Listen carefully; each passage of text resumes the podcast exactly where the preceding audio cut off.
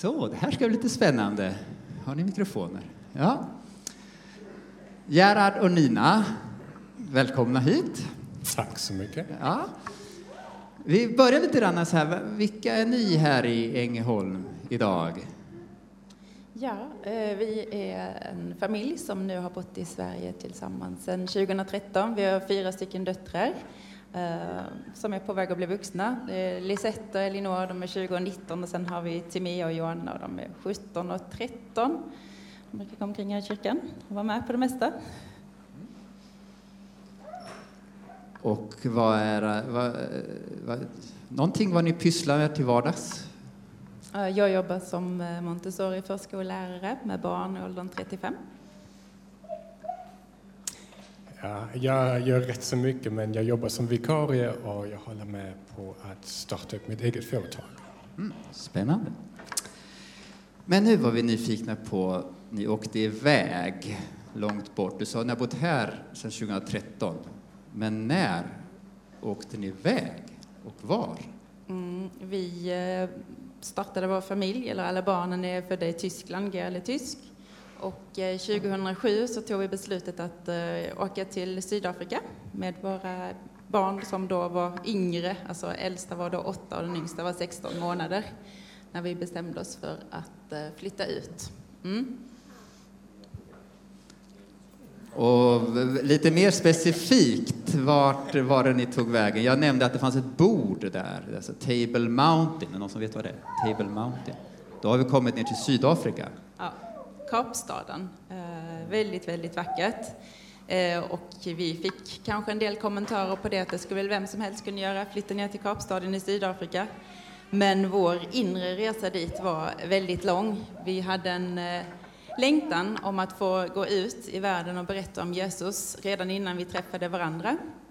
Och valde lite livspartner också med den längtan, vill du som jag. Um, och uh, när vi träffades och insåg att det var vi två så sa vi lite sådär, kanske halvt skämtsamt, men uh, vi tar tio år. Gerald är ingenjör, civilingenjör och vill gärna arbeta ehm, med det först eftersom han hade pluggat väldigt, väldigt, väldigt länge tyckte jag. um, Så vi sa det att han kan jobba tio år och så får jag barn under tio år och sen sticker vi ut. Och lustigt nog så blev det då, jag tror nio och ett halvt år eller något sånt, eh, som vi då, han arbetade och vi fick barn innan detta hände. Och vi bar på den här längtan och kände ändå att när, när man bildar familj och det, man vill liksom rota sig och grunda sig och i mig växte den här lite nervositeten Tänk om jag blir för bekväm. Tänk om det är för trevligt med grannarna och det är så skönt att ha en tvättmaskin och en diskmaskin och en affär där jag kan handla all mat som vi tycker om. Tänk om det blir för bra här. Tänk om vi inte kommer dit vi egentligen ville. Tänk om vi inte vill längre gå ut för att vi så liksom sjunker ner i soffan på kvällarna. Så vi började titta runt. Vad finns det egentligen som skulle passa oss? Vad skulle vi kunna göra? Och vi hade ingen speciell folkgrupp på vårt hjärta eller ett speciellt land på vårt hjärta, men vi ville följa det som står i Bibeln, gå ut och göra alla till lärjungar. Så då hittade vi ju en eh, skola som var nio månader lång och där skulle man lära sig om eh, att starta upp små husförsamlingar. Och då tänkte vi det här kanske är en bra grej att göra. För så som våra liv var då med fyra små i huset och Gerald jobbade väldigt långa timmar var att på kvällen när vi var trötta la vi oss i sängen och så sa vi lite så här, men är detta egentligen det livet som vi ville leva? Och så innan man hade hunnit svara på frågan så hade man redan somnat för man var så trött. Och nästa morgon så drog det igång igen. Då sa vi, men om vi tar de här nio månaderna, vi lär oss hur man startar upp små husförsamlingar, det kan man använda överallt i hela världen. Kanske är vi helt rätt där vi är just nu, men vi ville ha den vissheten. Och så då tar vi den här tiden när vi får be, lyssna på Gud, lära oss ett verktyg som vi kan använda för att sprida eh, Guds ord och Guds kärlek. Och så ser vi vart det bär hän. Och denna skolan skulle då vara i Amerika. Vi har aldrig haft någon sådär längtan att åka till Amerika, men okej. Okay. Och efter det skulle man bli utskickad någonstans för att använda detta i praktiken. Och då tänkte jag, som vi ofta gör, man tror det här kan ju bli, jag tänkte Chad, öken i Afrika, eller Sibirien, jag började ärligt talat googla, hur gör man om man inte har antibiotika när du har små barn? Vilka blommor kan man då använda? Hur, liksom, hur, hur ska jag fixa detta när jag bor där i tältet utan rinnande vatten? Liksom? Så, och det var där, det var där vi började säga ja till Gud. Så det var inte, vill ni åka till Kapstaden och åka upp på Table Mountain? Det var inte där vi sa ja till Gud. Det var någon helt annanstans, där vi började släppa allt som var viktigt för oss. Familj, vänner, kyrka, allt invanda, kultur. Det var där vi började säga ja till att lägga ner allt. Mm. Och sen råkade det bli så att saker utvecklade sig. Kanske även lite mer. Ehm, jag hade en bra utbildning, hade fortfarande fantastiskt jobb, fantastisk karriär, mycket inflytande, eh, typ makt på jobbet, eh, mycket pengar som man får, eller också hantera. Det är spännande. Det är vad världen säger, men det är värt att, att sträva efter det. Ja, hur är det med pensionen? Men det är jättebra, det är inget problem, det kan vi betala. Vi vill ha ett hus och bil och allt. Det är framtiden. Och sen var det så att vi tänkte på, men hur är det? Är det verkligen den som är värt att satsa ditt liv på? Att spendera hela din tid på detta? Och det var också en jättestor fråga. Och det var inte bara en gång att vi behövde, eller jag behövde svara på den här frågan. För att det kom oftast kom det upp igen. Är det värt? Är det värt? Är det lönt? Är det säkert? Men eh, vi vågade. Vi vågade och vi sa nej, vi vill testa något annat. Vi tror att det är mycket värt att, att dela med vad Jesus har gjort, att han vill rädda andra människor. Vi har kört igång också alfakursen i vår församling i Tyskland. Och det var så fantastiskt att se en människa komma till riktigt i, i en relation med Jesus. Innan var det så kanske, ja de kände Jesus, men det var ingen relation. Och när de blev brinnande och, och bara ljuset i deras ögon, det var så fantastiskt att se det. Och det var, var vad våra hjärtan bultade för. Så vi sa nej, vi, och jag tänkte faktiskt lite vidare. Det var inte bara den här nio månaden, men jag tänkte kanske är det verkligen någonting att jobba som missionär på lång, på lång sikt. Så vi sa ja, vi, vi ska försöka, vi ska testa om det är någonting för oss. Mm, och det var lite sådär man kan tänka sig inom kyrkan när det är mycket predikan med att Petrus hoppade ut ur båten och han gick på vattnet och och när vi sa vi hoppar ur båten så började alla liksom, nej, nej, nej, oh, akta, akta, om ni har barn med och, och hur ska det, hur ska det, nej, hoppa in, hoppa in, hoppa in igen. Och vi, nej, men, sa ni inte att vi skulle gå ut och gå på vattnet, skulle vi inte testa detta? Så det var bara, även liksom runt om och även i kyrkan så var det en tid när det var mycket liksom prövning för oss. Så att, ja, det var en intressant tid.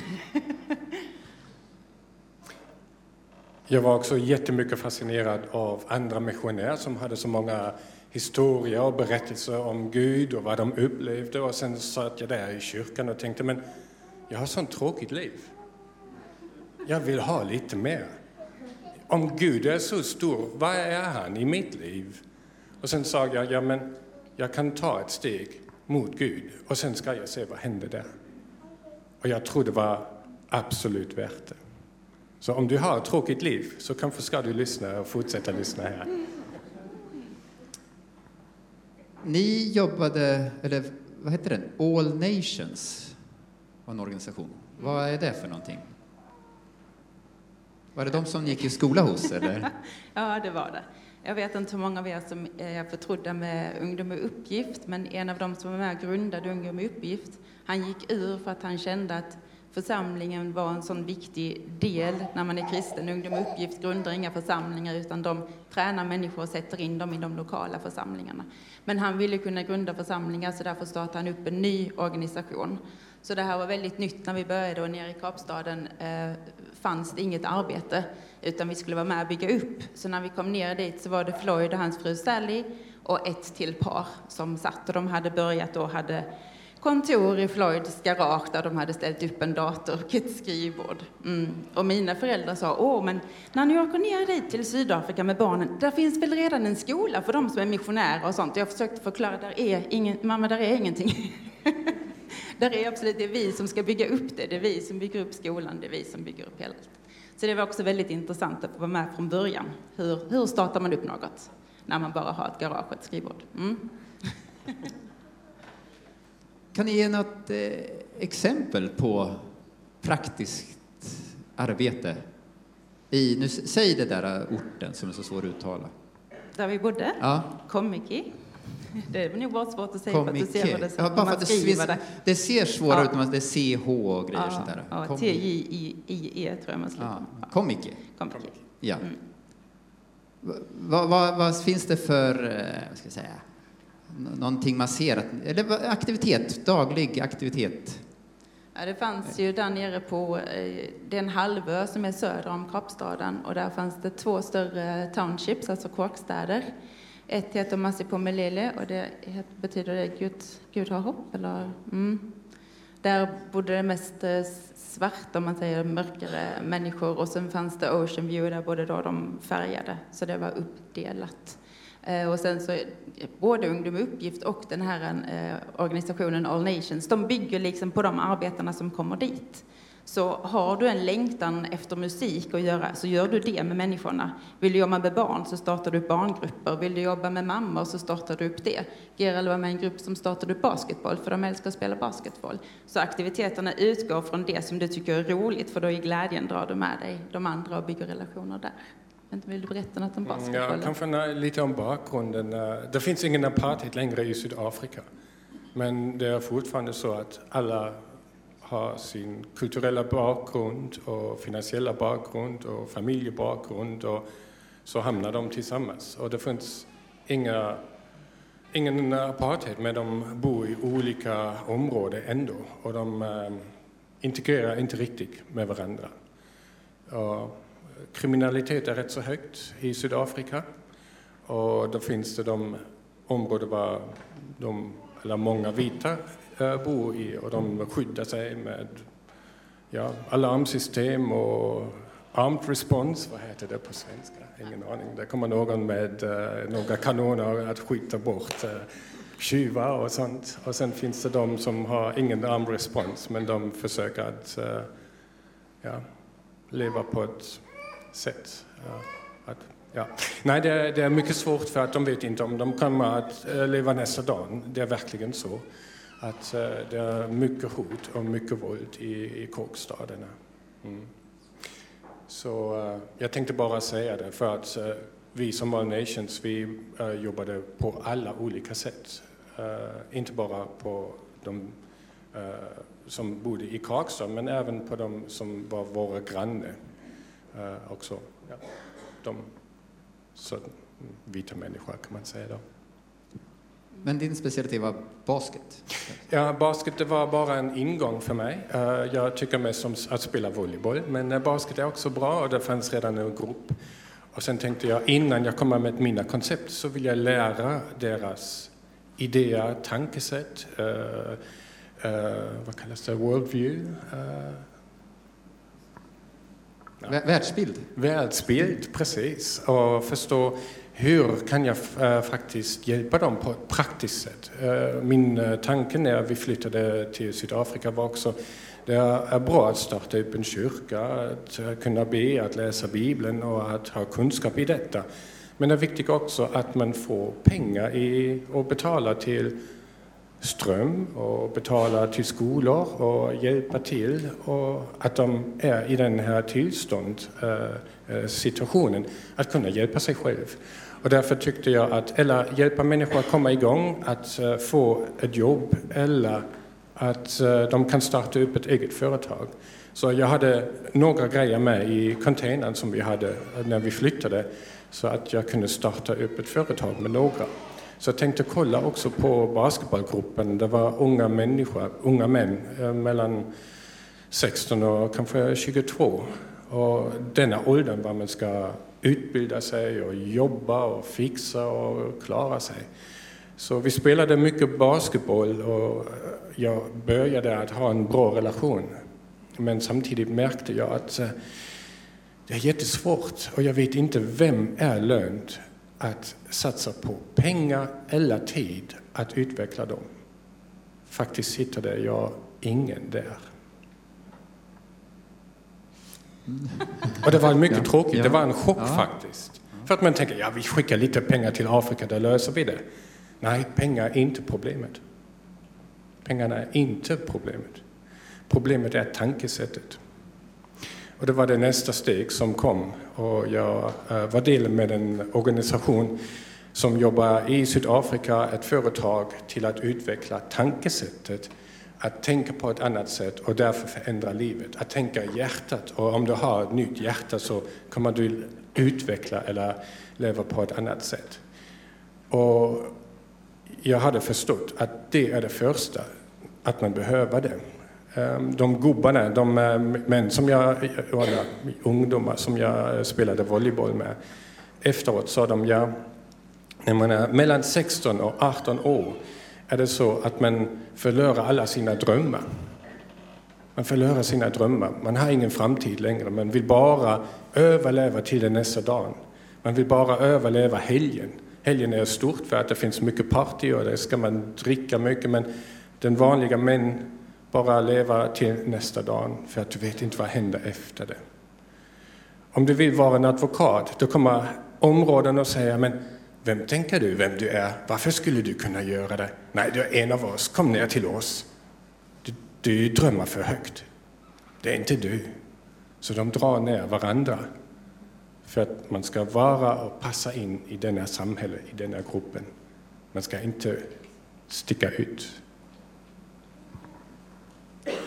Hur gick det nu med skolan för barnen då? Eh, skolan. Vi bestämde oss för att sätta dem i en lokal skola så att de skulle kunna lära sig språket och kunna ha kompisar i grannskapet så att eh, allt skulle kunna flyta på liksom för dem som vanligt. Det fanns en tysk skola inne i Kapstaden men då skulle vi få resa en timme och lämna dem och en timme och hämta dem och där kom då barn också från långt ifrån. Så vi tänkte då lär de sig ingen engelska och de lär inte känna barnen på gatan. Så vi eh, fick verkligen, eh, måste Gud ha förberett långt innan. en helt fantastisk skola där eh, de flesta lärarna faktiskt var kristna. Det var en vanlig lokal skola där de pratade engelska. Men väldigt driven rektor och en väldigt, väldigt rolig skola. Så de gick från en liten byskola i Tyskland där det gick kanske 60 barn till den här skolan med mer än 1000 barn. Ehm, och de trivdes fantastiskt bra. Om man frågar våra barn vilken vad som har varit roligast i deras liv så tror jag de allihopa skulle svara det var när vi bodde i Sydafrika. För de hade det verkligen, verkligen bra där. Och det var någonting som, eh, vad ska man säga, som Gud la på mitt hjärta. Jag hade sådana problem att eh, att ta det här steget och följa för att jag visste att det beslutet som jag tar om jag säger ja till Gud så kommer det ju till att eh, ha stor effekt på mina barns liv och det som händer dem. Och kan jag verkligen från min liksom, själviskhet säga jag, jag följer Gud och jag går till liksom, eh, Nordpolen och de får bara haka på, det är ju mina barn. Men jag sa ja till Gud och han har välsignat dem så övermåttligt som jag aldrig någonsin hade kunnat föreställa mig. Så det var också en helt otroligt bevis på Guds kärlek hur han ser till allt. Och det var så när jag bad och om och om igen höll tillbaka för barnens skull, barnens skull, så kände jag en gång hur Gud blev, fick den här heliga vreden med mig och, och, nästan liksom skrek lägg av, det är mina barn så mycket mer än vad det är dina, så bara sluta tjafsa om det nu. Så ja, Gud han är med oss i allt och det är han som håller oss i sin hand. Ja. Det som ni startade där? Vad är det som, nu har ni varit därifrån i sex år. Är det helt tomt där nu, eller är det några andra som har tagit över? All Nations finns kvar. Och det är en rätt så stor organisation nu. Jag tror det är ungefär 60 medarbetare som jobbar där. Eh, det finns ett stort nätverk för att många har lämnat All Nations i eh, eh, Kapstaden och har flyttat till andra länder. Eh, rätt så många som vi också jobbade med från Kakstäder som eh, kom från olika länder till Sydafrika till att jobba i Sydafrika. De kommer från Malawi eller från Zimbabwe eller eh, andra länder, Kenya tror jag och några från eh, Comoros. Men ändå, det är ett rätt så stort nätverk och de har flyttat på andra länderna och startat upp precis detta koncept, att det är rätt så enkelt att starta en församling. Det måste inte vara en stor lokal. Det måste inte vara att man måste läsa teologi först. Men att man kan bara ha en liten grupp och man kan dela med sig. Att vi har den heliga Ande och den heliga Ande leder oss. Och sen när man flyttar så kan man starta upp en ny grupp. Eller om gruppen är så stort så kan man bara ja, dela gruppen och det finns en ny grupp. Så det finns en ung man som vi har jättebra kontakt med i Zimbabwe. Och vi har hälsat på honom några gånger. Men jag tror han har ungefär 160 små sådana församlingar omkring sig i området där i Zimbabwe. Eh, vi har fortfarande mycket kontakt med andra, men en som är en speciell vän av mig, han heter Raymond. Han har familj i Mosambik och eh, han har börjat med att plantera cashewnötter. Och det är en område där det fanns de gamla portugisiska uh, har eh, planterat träd, men de har inte skött träden. Och, så han, han planterade, jag tror, ungefär 400 träd förra året. Och nu har han nya träd, omkring 600 träd som han ska plantera. Så ja, det handlar om tankesättet som jag vill komma tillbaka, för att det är så viktigt. Det är så många som ser Afrika, det är fattigt. Och samtidigt vill jag säga, men vet ni att Afrika är den rikaste kontinent som finns i hela världen. De har diamant, de har guld, de har fantastisk mark, de har eh, skog, de har fisk, de har allt. De skördar tre gånger om året. Jag blev lite chockad när de sa det. Ja, men vi skördar tre gånger om året. Jag bara, va? Och ni har hungriga barn? Alltså någonstans passar det liksom inte. Ja, så därför är det så viktigt att man ser vad har vi, vad har Gud välsignat oss med och hur kan jag utveckla detta? Så han är på gång, de andra är också på gång. Och det är bara så fantastiskt att se att eh, det fortsätter och det växer. Och jag tror det är ett stort privilegium när man får se att det finns frukt i arbetet som man har gjort. Mm, sen tror jag att du kan ju berätta om hemförsamlingen där du engagerar dig mest i Masipomelele under branden. Det var ju också fantastiskt. Alltså kåkstäderna är ju byggda, de flesta bygger ju upp sina små hyddor där med, med kartonger som de sätter upp och så kan de sätta upp lite papper och tidningsbilder som de tycker är fint. Och de skrattar ju verkligen, man lär känna människor i relation, så de kände sig ju fria med mig och de tyckte det var så kul att jag gick omkring och dammade och dammsugade och fixade varje fredag. De bara, så vi, bara, vi sätter bara upp en ny kartong, bara så du vet det. Så. och de tycker vi lägger ner så mycket tid och energi på våra fina hus och tycker egentligen att det är faktiskt rätt så fånigt. Men ja, det kan man ju liksom diskutera om. Men det som händer i de här kåkstäderna, när de då ibland lagar mat på de här gas, eh, vad heter det på svenska, sådana trangiakök och sånt har de där, där de gör sin eh, mat någonting faller eller någonting händer, det börjar brinna. Det finns inget som hindrar branden i de här kartong efter kartong som står kloss på kloss på kloss. Så det brinner ju med en hastighet. Du bara tittar ut och så ser du ett stort mörkt moln och du vet, okej, okay, det brinner. Ehm, mm. Och en gång brann det riktigt rejält, men då hade, var det fantastiskt att Gud kom igenom där. Det kan du berätta. Det var så att en vän och jag, vi gick genom Kakstaden och vi försökte hitta någon som är kanske öppet till att lyssna och tänka om Gud och prata lite där. Så blev vi inbjuden i en liten, liten, vad kallas det? Skydda? Ja. Och um, så vi pratade med honom, med pappan och familjen och sen sa vi, men vad tycker du? Kan vi kan få starta en liten grupp med dig och dina vänner? Vi kan prata mer om Gud. Eh, känns att du är intresserad här? Och ja, det var bra. Vi skulle be för honom och för familjen och sånt. Så gjorde vi det. Och det var två dagar senare som var det i natten och vi såg att himlen var röd för att det brann och vi visste, ja men det är den kaksaden som brinner där. Vi visste inte var det brann, men det brann. Så gick vi in eh, nästa dag och sen tittade vi och det var precis en område var vi hade bett för den här familjen. Och det var allt bara platt, det var ingenting kvar. Så gick aska, vi... alltså där ligger ju bara så tjocka lager av aska, ligger, de förlorar allt verkligen. Ja. Mm. Sen gick vi till det sista hörnen, var den här lilla, lilla hytten var. Och, um, det stod den kvar. Bara den, men allt annat var... I en asköken ja, står där var, Bara nedbrint. Och vi tänkte, men hur är det möjligt? Och när vi tänkte så, hur är det möjligt? Där kom pappan och sa, det är omöjligt. Det är faktiskt, det började brinna på var granne, var grannes eh, hydda. Det var det första som brann och sen spred hela elden. Och den, den hyddan, den, den var kvar.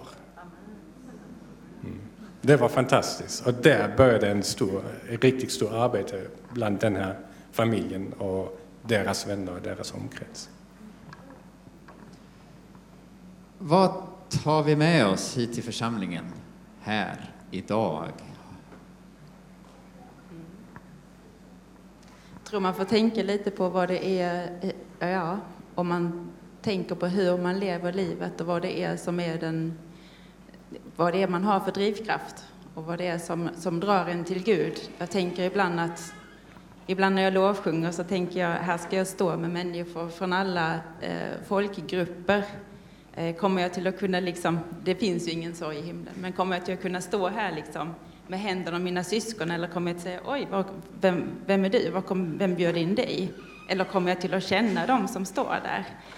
Eh, vad är det som är viktigt i våra liv? Vad förväntningar, förväntar vi oss att vi ska ha en tvättmaskin i källaren? Förväntar, ska det vara så? Ska barnen ha skola? Ska de bli, vad, vad förväntar vi oss av livet? Eller vad är vi villiga till att släppa för att vi säger jag litar på Gud och Gud ger mig allt som jag behöver? Um, att vi kanske vågar ta den risken och gå lite längre. Av alla missionärer som jobbar idag i världen så är det 5% som jobbar med de onådda folkgrupperna.